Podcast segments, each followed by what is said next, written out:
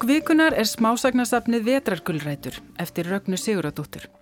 Ragnar er mentaður myndlistamæður en hefur lengi skrifað skáldskap af ímsu tægi. Fyrsta bókinar Stefnumót kom út árið 1987 og var safn smásagna og ljóða. Fyrsta skáldsögunar sem heitir Borg kom út árið 1993 og síðan hefur hún skrifað fimm skáldsögur í viðbót, nú síðast Vinkonur árið 2016. Í þessari nýjustu bók, Vetrargullrætur, fáum við svo fimm smásögur sem tengjast óbeint að ímsu leiti. Til dæmis færist lesandin aftur á baki tíma eftir því sem hann kemst lengra enn í bókina. Fyrsta sagan gerist árið 2019, svo næsta árið 1991 og þannig færist við aftar, allt aftur til ásins 1779. Að auki eru myndlistarkonur sögupersonur í fjórum sagnana þannig að bókin verður að einhverju leiti stúdía í sögumyndlistar og stöðu kvenna í myndlistarheiminum og samfélaginu almennt. Fyrst og fremst fjalla þó sögurnar um mannleg samskipti, svik og tröst, viðkvæmni og styrk og það hvað drýfur einstakling áfram þrátt fyrir ímsar hindranir sem lífið býður upp á.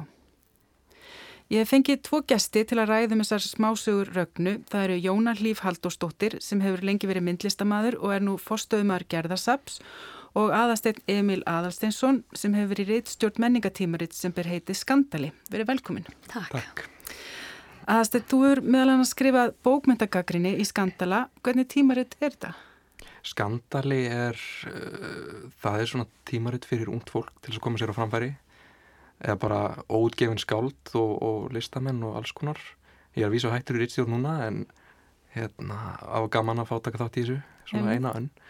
Og þú er svo sjálfur skrifað smásögur í Ímis tímaritt. Hefur þú svona einhvern sérstakann áhuga á þessu formi? Já, ég hef alltaf verið mjög heitlaður af smásögu forminu. Bara síðan ég var úlingur. Þá byrjaði ég að skrifa smásögur og, og lesa þær og hérna, það er svo margt hægt að gera með smásögur. Það er, það er svona, það er svo margt sem getur leið undir yfirborðinu.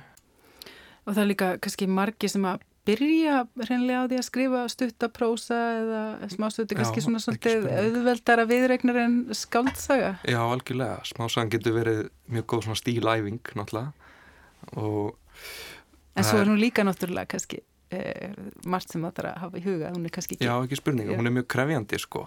Það er hérna maður þarf að geta komið einhverju svolítið miklu til skila í mjög knappum texta mm. sem hefist mjög heillandi og mér finnst að henda líka mjög okkar samfélagi sem er svolítið svona allt gerist rosa rætt hún, hún er svona smerri í sniðum og tekur steytri tíma að skrifa hana og lesa hana og gefa hann út með þessa líka maður vil gefa út í tímarittum og allt svona. Á mm. elda aðtílispressin sko. Þá er þetta eitthvað Þetta er mjög hendið Hérna, getur eitthvað sagt um það hver svona, þér finnst vera galdur um við góða smásögu? Það er sennilega bara þetta hvað hann er stutt og hvað getur búið margt í henni mm -hmm. og hérna svona eins og með ljóð sko, bara á einni blaðsíður þetta það er svo mikil töfrar fólknir í smásögunni ef hún er vel sagt, skrifið og hérna, ef höfundurum kemur henni vel frá sér mm -hmm. þá, þá getur þetta verið bara svona eins og örmynd inn í einhver aðstæður inn í lífólks gluggi inn í eitthvað sem að þekkir ekki eða, eða þekki vel eða bara býður upp svo margt mm -hmm. Og hvernig fannst þér þá þessar hefnast? Mér fannst þessar hefnast mjög vel. Ég var ánað með sko, þar voru svona lengri en hefbundarsmásugur. Já, það eru svolítið langar. Já, eins og ég held þessi fjórðarsagan sem er bara einhverja 70 okkur blaðsíður held ég, sem er eiginlega bara eins og stuttskálsaga, nóvela bara. Og þessar sögur, þar henda mjög vel í þessum stíl, þú veist það er svona mikið flæði, hún fer svolítið fram og aftur í tíma og, og hérna marga svona pælingar, hún hún gerir það mjög vel fyrst mér fara svona fram og aftur í tíma og maður kynnis personum vel og er mhm. hrifin með inn í eitthvað einhverja atbyrðarás sem kannski ekki hægt með þessa stittri sem eru bara svona eins og leifturskot eða myndir þetta eru meira, meira sögur sko og alveg svona mitt á milli þess að vera skaldsaga og, smásaga mhm. sem, eða novella og smásaga og ég veit ekki um marga sem allavega íslenska höfundar sem hafa skrifað svona hún mitt eftir í hug bara Alice Monroe hérna þú veist, hún er allir íslensk en frá Kanada ég held að hún hafi mér sér sagt hún ragna að hún hafi haft að Alice Monroe hafi haft áhrif á hana mm -hmm. sem höfund mm. Og þú sérði einhverju svona tengingu þar á milli? Já, ekki, ég hef ekki lesið mikið af Alice Monroe en ég held að sé allir ekki bara lengdinn og þessi svona dýft sem hún nær mm -hmm. og oft mikið drama líka og hérna já, það var skemmtilegt, það var hressandi. Hvað sem er þig uh, uh, Jón Líf, kanntu að metta smásögur? Og fannst þið þessar vel hefnar? Já, ég kann að metta mjög mikið. Því að sko, þetta er svolítið svo að horfa á Netflix svona, og þú getur einhvern veginn fyrir söpnin leysi eina sögu. Mm. og hérna og, og ég myndi, og ég fyrra fyrir jólinn, þá las ég með tvær bækur sem að voru með svona smásögur. Bæði bók eftir Guðrunu Efu Ástin í Texas og svo Kláði eftir Fríðu Ísberg. Mm -hmm. og hérna og það er alveg bara höfða ótrúlega vel til mín. Þannig að ég er mjög spennt að lesa þessa mm -hmm. bók. Og mér fannst þetta frábær bók. Og hérna, og mér fannst alla sögurnar ótrúlega góðar. Og einhvern veginn hvernig nú raðaði þeim upp mér fannst það ótrúlega vel hefnað Já. Því að oft er einhvern veginn svona einn saga sem kannski dregur úr en það gerist ekki núna. Nei, alla sterkar. Nei, Já, einhvern veginn allir sterkar. Mm -hmm. og ég var alveg svona ég bæði hló og var reið og ég með bara, hún gerði svo ótrúlega vel hún náði mann einhvern veginn alltaf svona, Já, því að svo... ég er svolítið eina af þeim sko, ef bókin nærmir ekki innan sko tíu mínútur þá er ég bara að gespa. En það var ekkert svo leis Nei og kannski einmitt eins og fyrsta bara sagan byrjar strax í einhverju svona hérna, mjög svona mikið spennu Rosa spennu og hérna þannig að maður sem lesandi, maður er allan tíman í einhverju svona haldið, í einhverju spennu ástandi fannst mér í gegnum þá sögu, þannig að það byrjar eiginlega strax. Einmitt, nærmann er alveg strax. Mm -hmm. Og, og, og svona kannski að því að það eru svolítið líkamlega lýsingar og svona á hvernig þú veist, fólk upplifir tilfengar því verður óglatt eða það Já. er svona, þú veist, eða svona alls konar lýsingar á því Já. að þá einhvern veginn uh, grípur þetta mann, maður lífið sér mjög mikið inn í það. Mjög. Mm -hmm. Maður alveg einhvern veginn líka getur sett sér í þess aðstæður Já. allan í fyrstusugunni það var ég alveg bara, úf, bara. Já, maður finnur rosa stert fyrir þessu umhverfi, sko, þessu hverstaslega íslenska Já. Þetta er bara eins og eiga hann að martraðkendan dag versta dag, æfi sinna fyrsti dagur í vinnu, í vinnu og í tínir badni. Það er bara ræður það. Já, það er svona kona sem er að vinna á frístundaheimili og fyrsta daginn þá hérna er það badd sem lætu sig hverfa og mm. svona virðist vera að því að hún sé bara hrætt við hana. Og hérna Svo fær hún svolítið svona smá þráhyggju fyrir þessu. Já, algjör að þráhyggju fyrir því. Og til þessi hérna- badnagælu Já, fjögur, á fjögur börn Já, hún er unni í leikskóla Svo bara eins og ég, ég hör henni sér kift undan henni við mm. þetta Já og hún gerir þetta ótrúlega vel hún ragnar að miðla þessu maður byrjar alveg svona svitna á bakinu við að Já. lesa þetta sko Ég mynd fyrst líka hvernig hún sko er að vera að leita batninu og tínt og svona þannig og mm. síðan sko, hvað sko eftirmála þetta hefur fyrir Já. hana hvernig henni mm. líður í langan tíma. Í langan tíma. Og mér var svolítið gott hvernig þetta endaði. Þetta endaði, veist, út af því ég á tíu ára stelpu og það verður oft svona mikið drama hjá hann í skólanum. Og maður eitthvað fyrir svona inn í drama og, og er að hugsa um því tvo dag en hún er búin að gleyma þetta í tíu mínútur. Og mér á svolítið svona hún sko hún tók þetta svo miklu lengra en stelpan einhvern veginn, síni hvað við fullurna fólki, við eigum svolítið til að úthugsa hluti mm -hmm. og fara einhvern veginn inn í þráíkjuna og fara einhvern veginn gagnir á okkur sjálf að við erum ekki nógu góð eða og einhvern veginn, og veist, að mér ást það mjög áhugavert. Ekkurlega, eins og titill söguna segir, hún heitir Ég skal bjarga þér. Maður hugsa kannski strax að þessar konu langar að bjarga barninu en það er í rauninni hún sjálf sem þarf kannski mestur björgunum að halda. Nákvæmlega. Þið lætur sig hverfa kemur aftur og bara ekkert en konan er bara með þrá ekki yfir þessu alla meturinn og er bara Og hérna- stelpanur finnur það, veist, krakkar er mjög næmnir en hún er stríðanir svolítið Akkurat, já, spila svolítið með hana. akkurat. sjá hvað hún getur gengið lánt mm -hmm. því hún vil, vil ekki augra henni sko, því hún er hrættum að að þá gerist eitthvað aftur. Nákvæmlega. Já, hún pikkar það upp, krakkinn Þetta fer náttúrulega þá að snúast einmitt um svona margt annað einhvern veginn, hvernig hún hefur kannski finnst henni ekki að hafa stjórn á lífi sínu eða Já, svona, hún er náttúrulega undir mjög miklu álæg, hún er náttúrulega ein með fjögur börn, maðurinn hennar vinnur erlendis. Mm -hmm. og ég er bara einhvern veginn verið aðná svolítið, veist, og verið líka í vinnu. Veist, þetta er, er rosa mikið álag. Mm -hmm. þannig að ég get ímyndið mér að það hef ekki hjálpað kannski ekki sofinn og, Já, og Ég fór alveg, ég bara fann rosa til með henni. Já, ég líka. En uh, Ragnar, hún er, eins og ég nefndi það, hún er líka myndlistakonna og hún sagði í viðtali við Jórunu Sigurðardóttur í þættinum Orðin bækur að myndlistin væri svona ábyrjandi í sögunum vegna þess að maður skrifi oft um það sem maður þekkir. Við skulum heyra hvað hún sagði meira.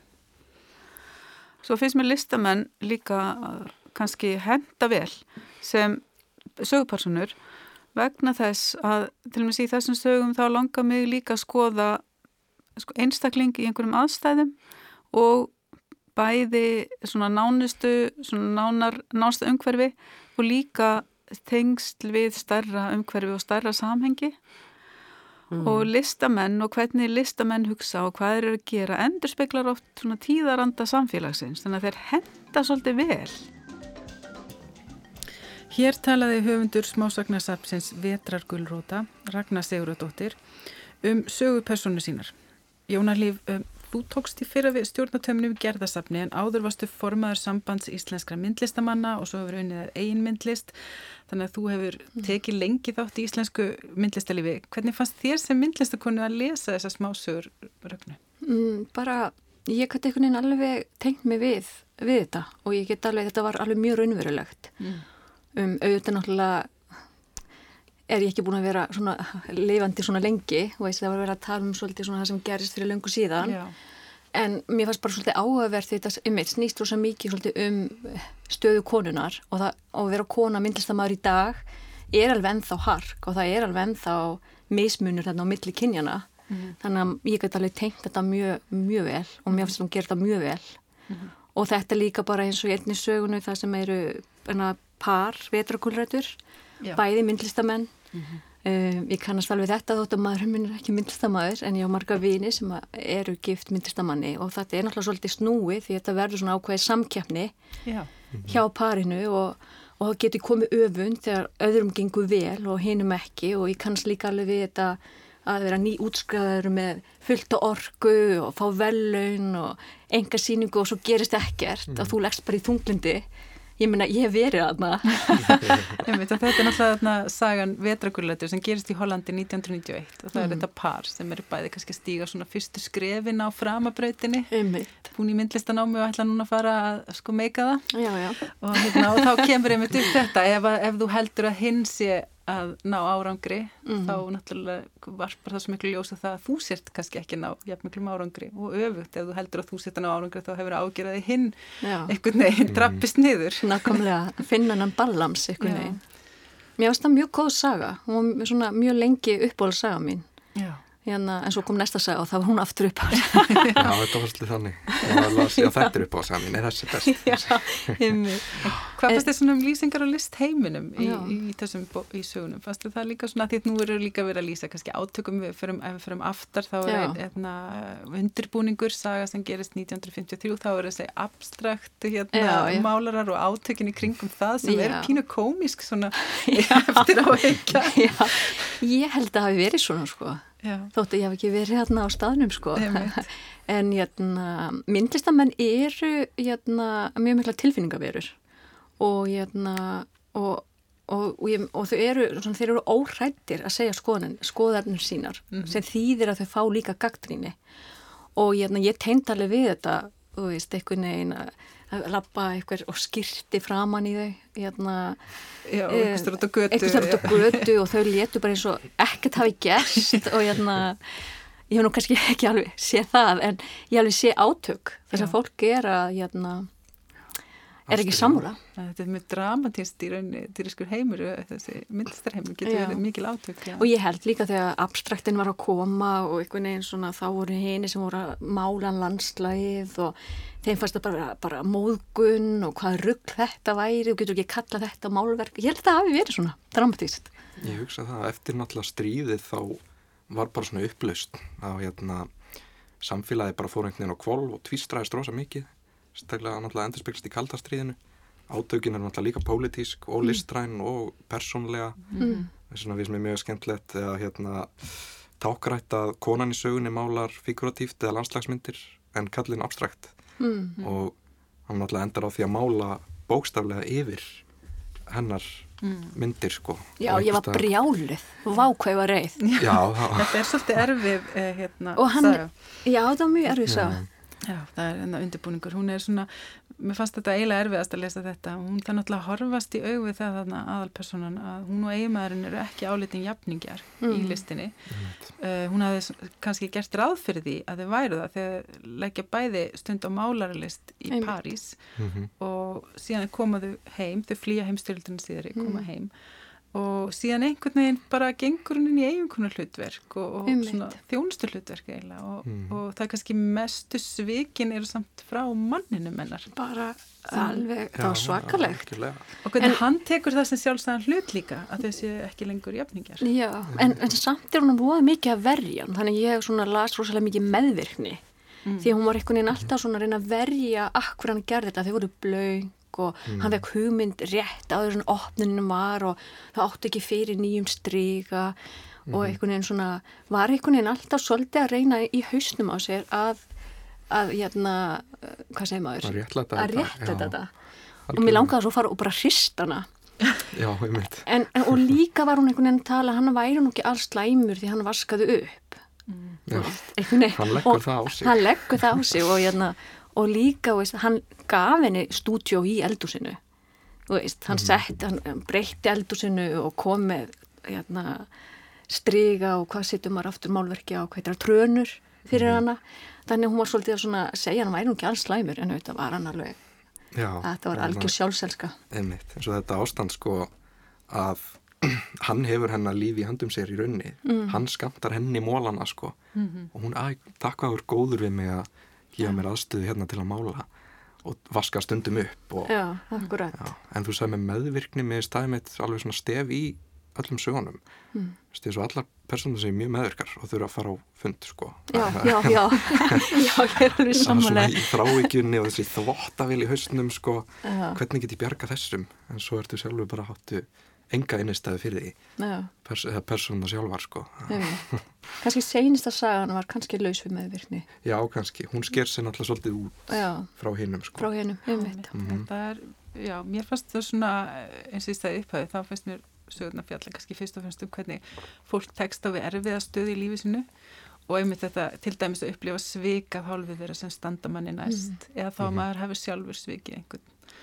Og svona hérna, er þið sammála mér að það sé ábyrjandi þema? Já, já, ég algjörlega. er sammála því og í höfundaverki hennar er það áberandi þema allavega því sem ég lesið hérna í þessu skáldsögunni vinkonur þar sem fjallar um þrjár vinkonur sem hafa einhvern veginn allar svikir, svikir hver aðra á ólíkan hátt Mm. og ein er svona í forgrunni og henni finnst það- hún hafa svikið bestu vinkunum sína æsku og svo kemur hún aftur einhvern veginn bara eins og svona afturganga og hondar hana sko, svo leiðum mér að sletta, sletta. Já, Og, en svo er það líka uh, sko svikin og aftur á móti koma þessar tilgástlösu björgunaraðgerðir sem er alltaf í bókunum hennar. Já, eða sem eru allavega þessum sögum og í vinkonum.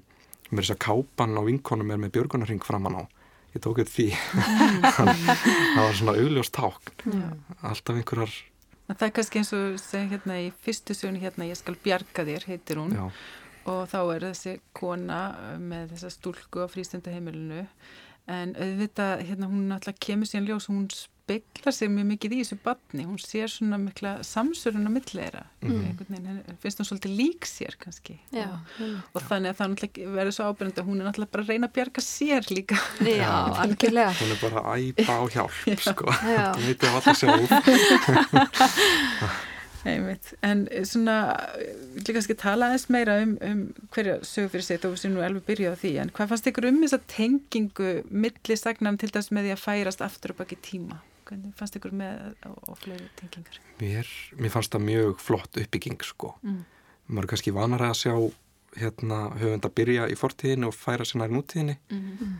en þetta einhvern veginn mér varst eins og ég væri svona að lesa mig eftir svona veggmynd, svona re, repli eða revil og það er einhver svona, svona myndir svona þemu af stöðukvenna og alls konar allt aftur til í rauninni það sem fræðinu sáð í lokasögunni Já. Einmitt. 1779 og hún er náttúrulega myndlistakona og hérna hún er mjög góð í uppbyggingu hún byggir þetta upp eins og mynd finnst mér Já. það er svona, Já, ég er sammála. já, Það var rosa einhvern veginn flott stef og mér varst það myndi virka mjög vel að fara svona aftur og bak og mér varst það myndi einhvern veginn, ef maður fer að hugsa um jafnbreytti hvenna, það hefur kannski ekkert rosalega mikið breyst. Þótt að sé allt breytt, mm, það hefur mjög, þá er allt svolítið svipað.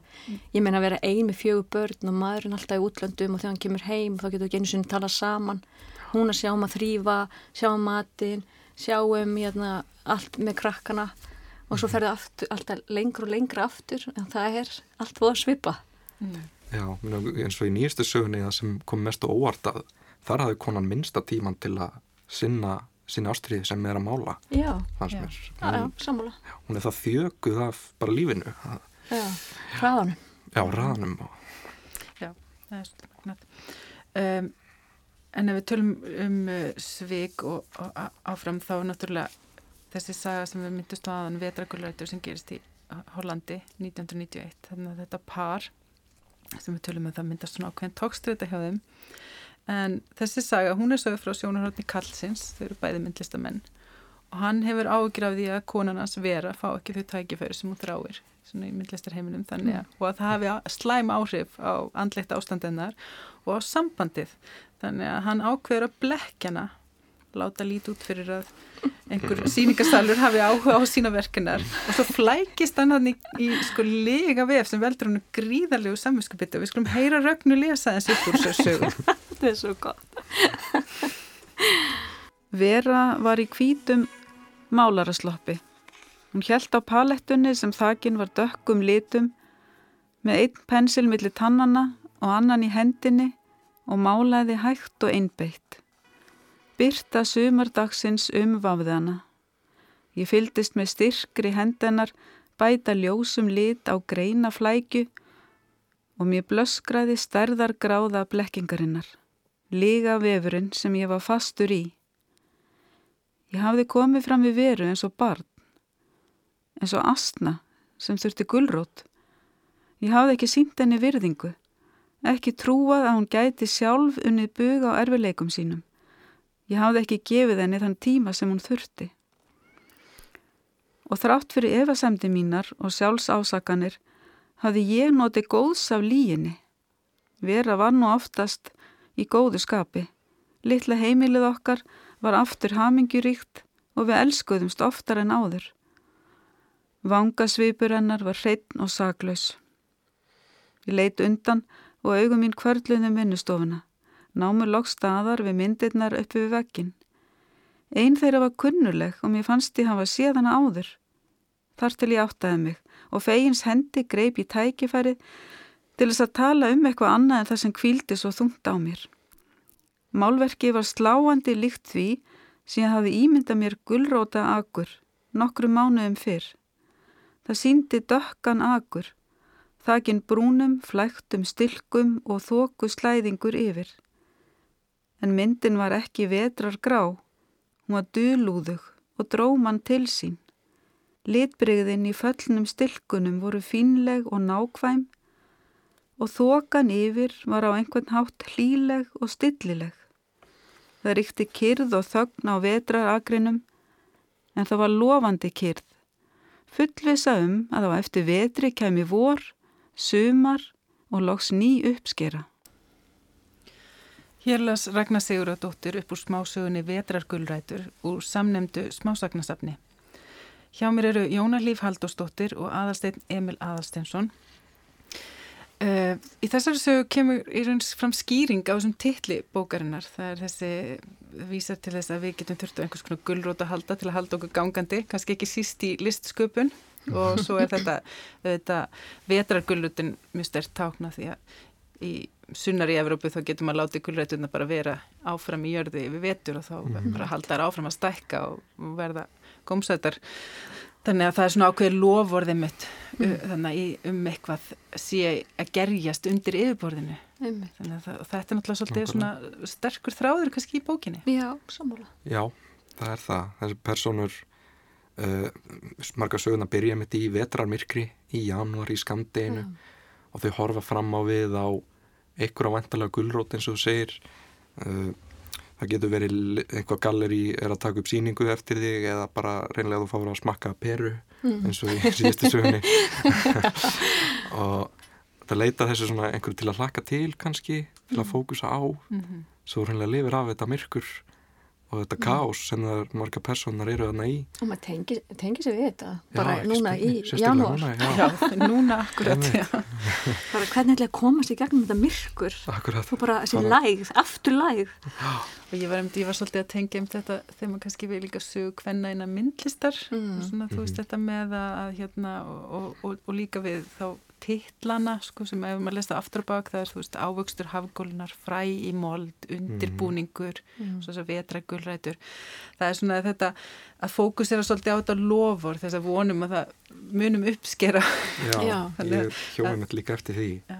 að hvað hérna titlandi talast á. Já. Svo fyrsta sagan, ef maður lesta aftur á bak þá er að ég skal bjarga þér það er svo kannski eins og sért að reyna að bjarga uppskýrunu eða möguleg uppskýrunu, ég, það ég veit það ekki Já.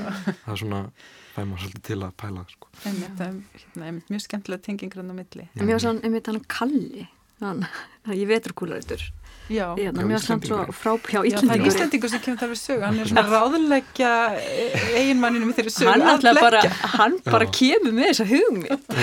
Þetta var það Ísland, Íslandingur. Já, einmitt. Mestu og svona, ég kannar svo við þessa típu bara, veist, vinnur í skorpum veit samt ekki alveg hvað hann er að gera en text að gera fullt og mm -hmm. tala miklu mér um veðri en peninga. Og svo bara eitthvað fannst þetta svolítið góð hugmynd en bara nei, hann, hann framkvæmur hann örglega ekki. Og auðvitað bara framkvæmdinn hann því að Íslandingar við framkvæmum hugmyndir. Já, við bara fyrir beint í það en svo fórum bara á sjó og tóra sko, og þurfti ekki að feysa afleðingarnar Nei, nei, nei, nei.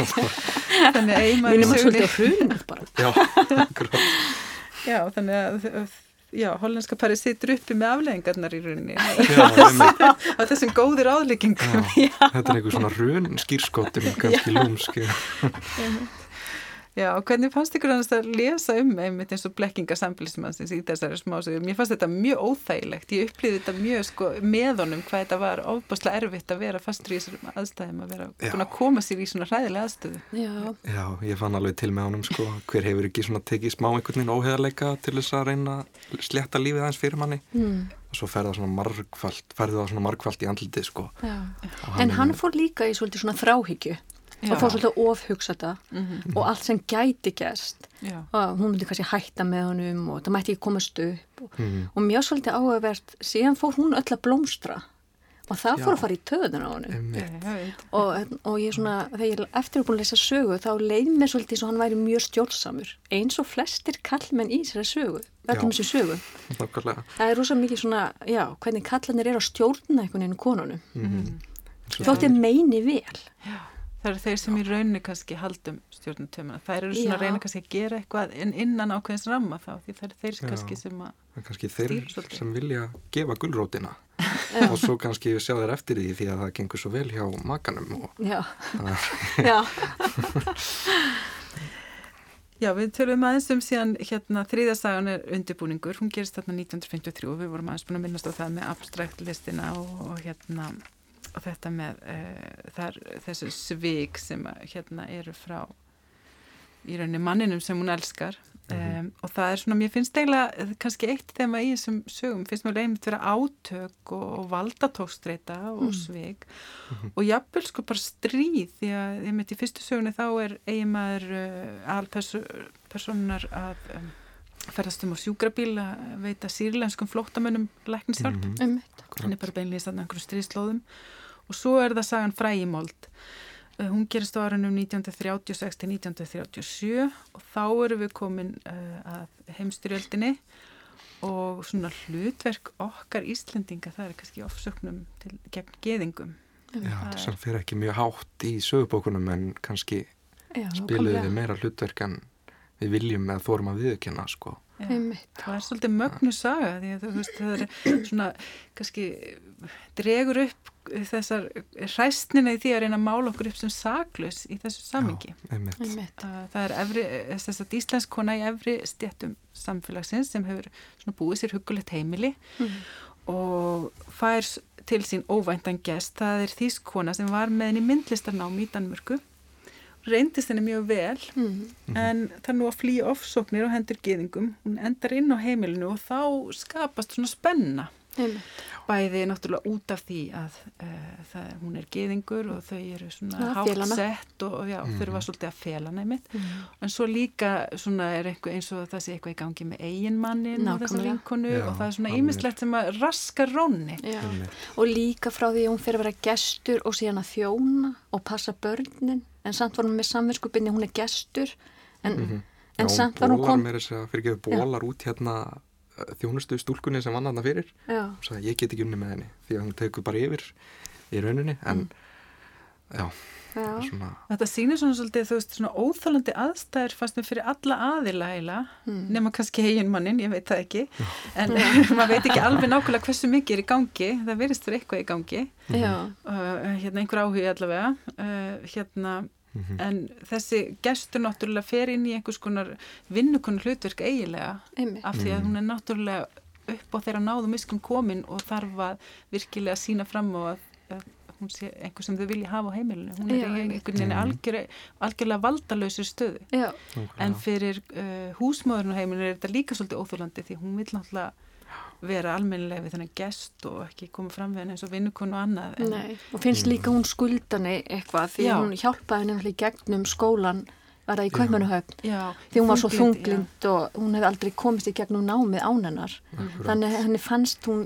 virkilega þurfa að hjálpa henni Já. en á sama tíma var hún eitthvað pingu pyrru samt, að hafa hana Já, einmitt þessi svona undirliggjandi gremja Já, það liggur eitthvað undir yfirborinu í þessum sögum og eins og þarna með eigimannin hvað er gangi þeirra, þeirra milli þarna, nákvæmlega. Mhm. það kemur einhvern veginn ekki alveg í ljós.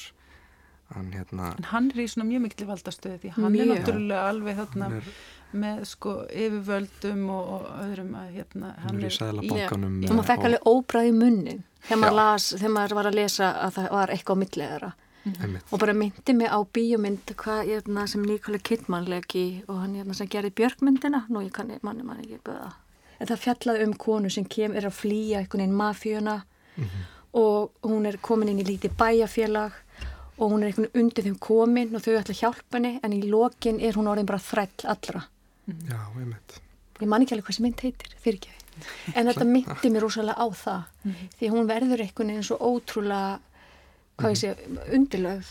Hún reynir, hún vil bara vera já, einmitt, kannski það svona einmitt uh, eins og með sýrlensku flótamenn í dag sem koma aðeins við sögunni í fyrstu sögunni og í vinkonum, að koma mikið við sögu þar. Mm. það er svona uh, þau leita á náða okkar en lenda svo undir klálega í samfélaginu. Er að reyna að sanna við höfum eitthvað að bjóða hérna og þurfa svolítið að vinna ekstra hart að því. Og hún lendir svolítið í því, hún Jóhanna heitir hún það ekki, Jú. tíska Já. en svo varst mér líka áhugaverð með þetta samband á millera hún líka einhvern veginn bara, að svo bara fór hún en hún vildi samt eða ekki hún færi því þetta var líka vinkonu hennar og Já. gaf henni félagskap einmitt, því hún var líka bara svolítið einmana aðalsögu persóna akkurat Einmitt, hún er þarna svolítið í svona hvað forréttinda stöðu þarna, hún er uh, svona á þessu svona ríkmannlegu heimili Mm. og, og Mhm. kannski bara hefur vinnukonu einmitt og, og hérna getur svona unnið einhvern veginn í myndlist uh, mm. en, en einmitt, kannski einmitt, kannski er hún einmanna. já, ég upplýði það Já. Já, En það er líka þetta með að hún, hún er sendið burtu, það er eh, svona, það er ákveðin, það er kannski það þeir, það sem sagði hræstni, það er þetta með Mm. að hún svona leifi sér bara að vona að það verði allt í góðu Já, með já, það já. að hún sé Einmitt. send aftur út. Nákvæmlega, Akkurat. það er eina svona sannfæra sig um það Já, já, að það sé ekki, þú veist, þetta, hún hefði gert allt sem hún gat og þetta verður röglega allt í já, svona friða samvinskuna Já, það er kannski, hérna, verður svolítið uh, kaldranalegt. já, það er svo flott í þessari sögu sko hvernig þær byrja sem jafningjar já, báðar í námi og svo þýska aðstóran upp úr þunglindi rýfur hann að fættu fyrir menn í göngutúr svona sönn vinkona og hvað er komið mikið bil á milli þeirra þegar þeir hitta svo aftur. Já, uh, hérna þessum mörgum árum síðar sko þá er hún orðin eitthvað svona yfirstjætta mögulega komin í flott einbílshús með vinnukonu en, en þar er Jóhann orðin flóttamaður einmitt. það er að reyna, kannski að reyna að hunsa þetta bil eða brúa það á einhvern nátt en það kannski tekst ekki alveg ég veit það Nei. ekki. Já. einmitt. En þá komum við að síðustu sögunni, það er ávöxtur hafgólunar sem gerist árið 1779. Hún er svolítið svona, hefur svolítið sérstöðu fyrst mér í þessu uh, safni og, og hérna, og kannski myndi skemmtilegt að hafa hana þarna síðast. og með svona æði mér langar að lesa hana aftur Já, Með peru. Já, það er nefnilega, það er enga myndlistarkona að finna, en það er blindur unglingspiltur, hann virðist ekki eiga sér viðreistna von í lífinu. Hann þarf að hörfast í aug við að hann muni alltaf vera sveitar ómægi, aldrei egnast konu eins og vinur hans og þetta er svona kannski sérkennlegasta staðan, en mér fannst það mjög heillandi líka. Það er hérna, Já. Það er, uh, þessi piltur hann svona uh, finnur mjög fyrir því hvað hann er viðkvæmur í viðkvæmur stöðu, hvað hann á ekki neitt svona tækifæri, en hann á þarna vin Já. og svo upplifar hann einmitt, hann finnst hann svíkja sig þessi vinnur að hann verður ástfangin Já. og Já. stelpu og hann kemur á ok, hann er alltaf að koma í heimsókn af því að hann er bara að hitta þessa verður ekki vinnukonan á að bænum. já, Jú, ekki að hitta mig Nei. og hérna, hann vil freka fara með henni í gönguferð og, og hérna, það upplifir þessa ofbóðslega örvendingu sko, að vera svíkin. Já, en svo einhvern veginn uh, kemur samt þessi vonar glæta, það er þetta með ávastatrið já, Já, og það lendir strákunum svolítið í í því að þurfa að vera sinna eigin gæfu smiður þrátt fyrir eiginlega vonleysar aðst- aðstæður sko. Hann er kannski náskildur Ólafi Kárasinni í heimsljósi. Ég hugsaði svolítið um hann þegar ég las þessu svona þótt að hann hafi ekki verið blindur en þar fer hann að fikra sig áfram og ég ætla ekki að gefa mikið upp kannski en, en það er þetta peru 3 og þessi listigarður aðna á eirinni sem Aldin, líklega var ekki aldingarður. Al, aldingarður, Þetta var eitthvað svo flott og ég svo bara Adam og Eva. Aldingarður ávöxturinn. Akureyri. Einmitt. 1779 þannig að hann, já, hann alltaf bara, þú veist, já, fyllist þessum fyrir svona löngun í rauninni Já. til þess Ég- að upplifa þetta. Ég tengdi þetta líka bara svona einhvers konar matarást. Og einhvern veginn, ég veit Mhm. ekki mikkur en ég hef alveg upplifað svona matarást. Ég man bara að ég var í Tenerife og smakkaði eitthvað epli og ég bara vissi ekki að epli gæti svona gott. Þegar við á Íslandi erum alltaf að borða eitthvað tíu ára gammalt epli eða eitthvað og bara hvernig Mhm. safin lag niður og ég bara sagði mann minn, ég bara trú ekki þessi epli Mhm. og þegar dóttir mín smakkaði vínber hún bara, mamma, er þetta virkilega vínber? Þetta var svo ótrúlega gott og bara hvernig matur og myndlist er rosalega nátengt og þótt að þetta fjalla ekki um kannski myndlist þá samt fannst mér þetta vera mesta sagan um myndlist. Ég veit ekki, bara Já, lýsingaorðin um, ég hugsa um hérna já, ég hugsaði bara einhvern veginn hún náði að fanga ótrúlega vel um, hvernig held ég bland, blindu maður hugsar og út af því þetta var öll hinn skinnfærin Já, Já. Hún virkiði þau öll. hún virkaði þau öll og hún gerði það svo ótrúlega vel. Það var svo, svolítið skemmtilegt að fá eftir allar þessar, allar þessar sögur sem voru svona mjög uh, sjón uh, fókusir þetta með myndlistina og eitthvað, mm. það sem að þú ert með mannski sem veit ekki hvað litir eru. Og hérna, þannig að það er bara allt, öll önnur skinnfæri eru já. undir og það og hvernig hún notar minnið? Já, hvernig hún lísti því? Einmitt. Það Áferðin, hvernig að finna og áferð og líkt og, og með matinn, það er einmitt svona svolítið stef í sögunum fyrst mér líka. Er hún ekki með matjúrtagarð hérna, hún er hjálpinni við að gera ein- rækta matjúrtir þýskakonan í já, já, hún var svo góð í því Já, með græna fingur. Nákvæmlega.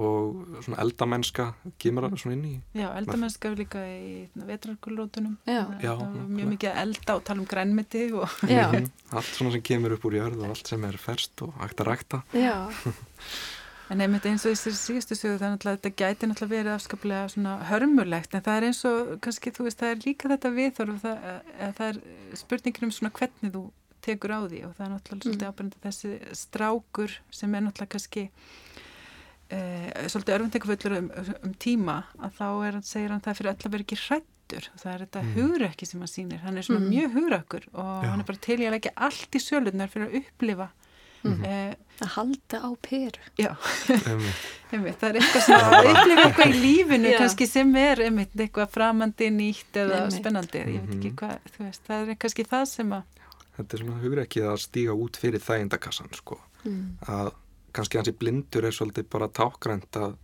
við erum hrætt við að fara út fyrir kassan því að við vitum ekki hverðar Mm. þannig að hann veit bara ekki hvernig heimur lítur út ekki sjónrænt og hann þarf að fikra sig yfir þess að mela og hóla niður á til akkurira til þess að fara í aldingarðin og, og getur bara lendi í mjög miklum hremmingum á leiðinni sko. Og hann sýnir einstakt hugur ekki þannig strákurinn og já, mjög ákveðin í þessu. Já, hann getur, hann getur lært margt á þessum drengar ég fyrir líka einhvern veginn að hugsa um sko bara lífið og veist, maður er alltaf að reyna að upplifa eitthvað nýtt og það er bara frekar erfitt í nútímanum því það er einhvern veginn allt í kringum okkur, allt í bóði um, skiptir ekki máli að þessi janúar, þú getur keft jarðaber hérna fyrir Já. nokkrum árum síðan þá borðaði þú bara jarðaber í tvo mánuð ársins mm -hmm. þannig að þegar jarðaberin komu þá voru þau svo fersk og góð eða, veist, veist, og ég stundum sakna þess að fá ekki þetta inn í límit einhvern veginn, Mm. veit ég hvert ég er að fara Já, svona þessi aftenging. Mér finnst þetta í sögunum eins og því aftar sem dregur því meiri þátt spila náttúran í sögunum eins og hún er bara alveg fjárverandi í fyrstu sögunni þar er hún Mm. bara hérna í Svifrikinu og Skamdeginu hérna í Reykjavík eða einhver útkverfi Mm. og svo svona kemur alltaf aðeins meira landslag inn í eftir því sem við uh, eftir því sem við förum aftur sko. Já, einmitt, það er ótrúlega fallegt. mm svo. Já, við hérna erum komin að lokum þáttarins um, en uh, svona í lokin þá, ég held að hafa nú komið í ljós þá veldi ég nú samt bara svona fá okkur til að segja hvað ykkur svona fannst um bókina yfir höfuð en mér fannst hún sjálf svona að draga upp svolítið skemmtilega, svona í heildina draga upp uh, svona mynd af einmitt viðleitni ástriðfullir viðleitni sem að bera einmitt ávöxt þó allt kannski virðist vonlaust þá þetta með að við höldum svo alltaf einhvern veginn alltaf áfram meira sé að kona þetta sem að maður þegar maður er málar yfir þá heldur hún áfram einhvern veginn. Þannig að þú getur ekki en hvað getið þið svona einhvern veginn sagt í stuttumáli hvað, hvað eitthvað svona ykkar heildar upplifun Í- hún var bara mjög ánægileg nú ef ég lesið hana tvisvar, ég las hana áður en hún kom ekki en hún kom út, heldur bara rétt fyrir jól. Stutt eftir hún kom út og núna í vikunni fyrir þáttinn og, og bara indislega bók. Og mér finnst leðilegt eða hvað fór lítið fyrir henni í flóðinu. Já. hún er svona, hún kemur bara út í kilju fellur svolítið undir sko þessa stóru kanónur sem ég finnst leðilegt, ég hefði viljað sjá hana tilnefnda en já, ég er sammálaður. Já, en bara mjög ánæður, skemmtilegt. Ég er náttúrulega bara mikill áhuga maður um smásugur og ég fagnar svona góðum smásugum. Ég mér finnst það frábær bók og ég mæli með henni og mér finnst allir ég að lesa hana og allir listamenn. Um, og hérna, og ég held ég að lesa hana aftur. Ég nenni ekkert að lesa hvaða bók sem er aftur en ég, ég held ég sé eftir að fara í eina, eina eða tvæ sögur og lesa aftur. Og það er það sem er skemmtilegt við svona smásögur. Já, það er Þú nennir ekki alveg að lesa heila bók aftur en þú nennir að lesa smásögur aftur. Mhm. Þannig að ég bara hlakka til að lesa næstu bók sem hún kemur með og mér finnst einmitt Já. ótrúlegt að hún hafi verið tilnæmt. já það komið mjög Við óvart. bara tilnefnum hana hér með til okkar eigin verluna. Já, til í það. En aðastetn Emil Aðalsteinsson og Jóna Hlíf Haldarsdóttir kæra þakki fyrir að kominga í dag til að ræða við mig um bókvíkunar, smásagnasafnið Vetra Gullrætur eftir Rögnu Siguradóttur. Þeir sem vilja heyra meira geta farið inn á vefsíðu bókarvíkunar, rú.is bókvíkunar og hlustað á viðtöl og lestra. Verið sæl. Takk.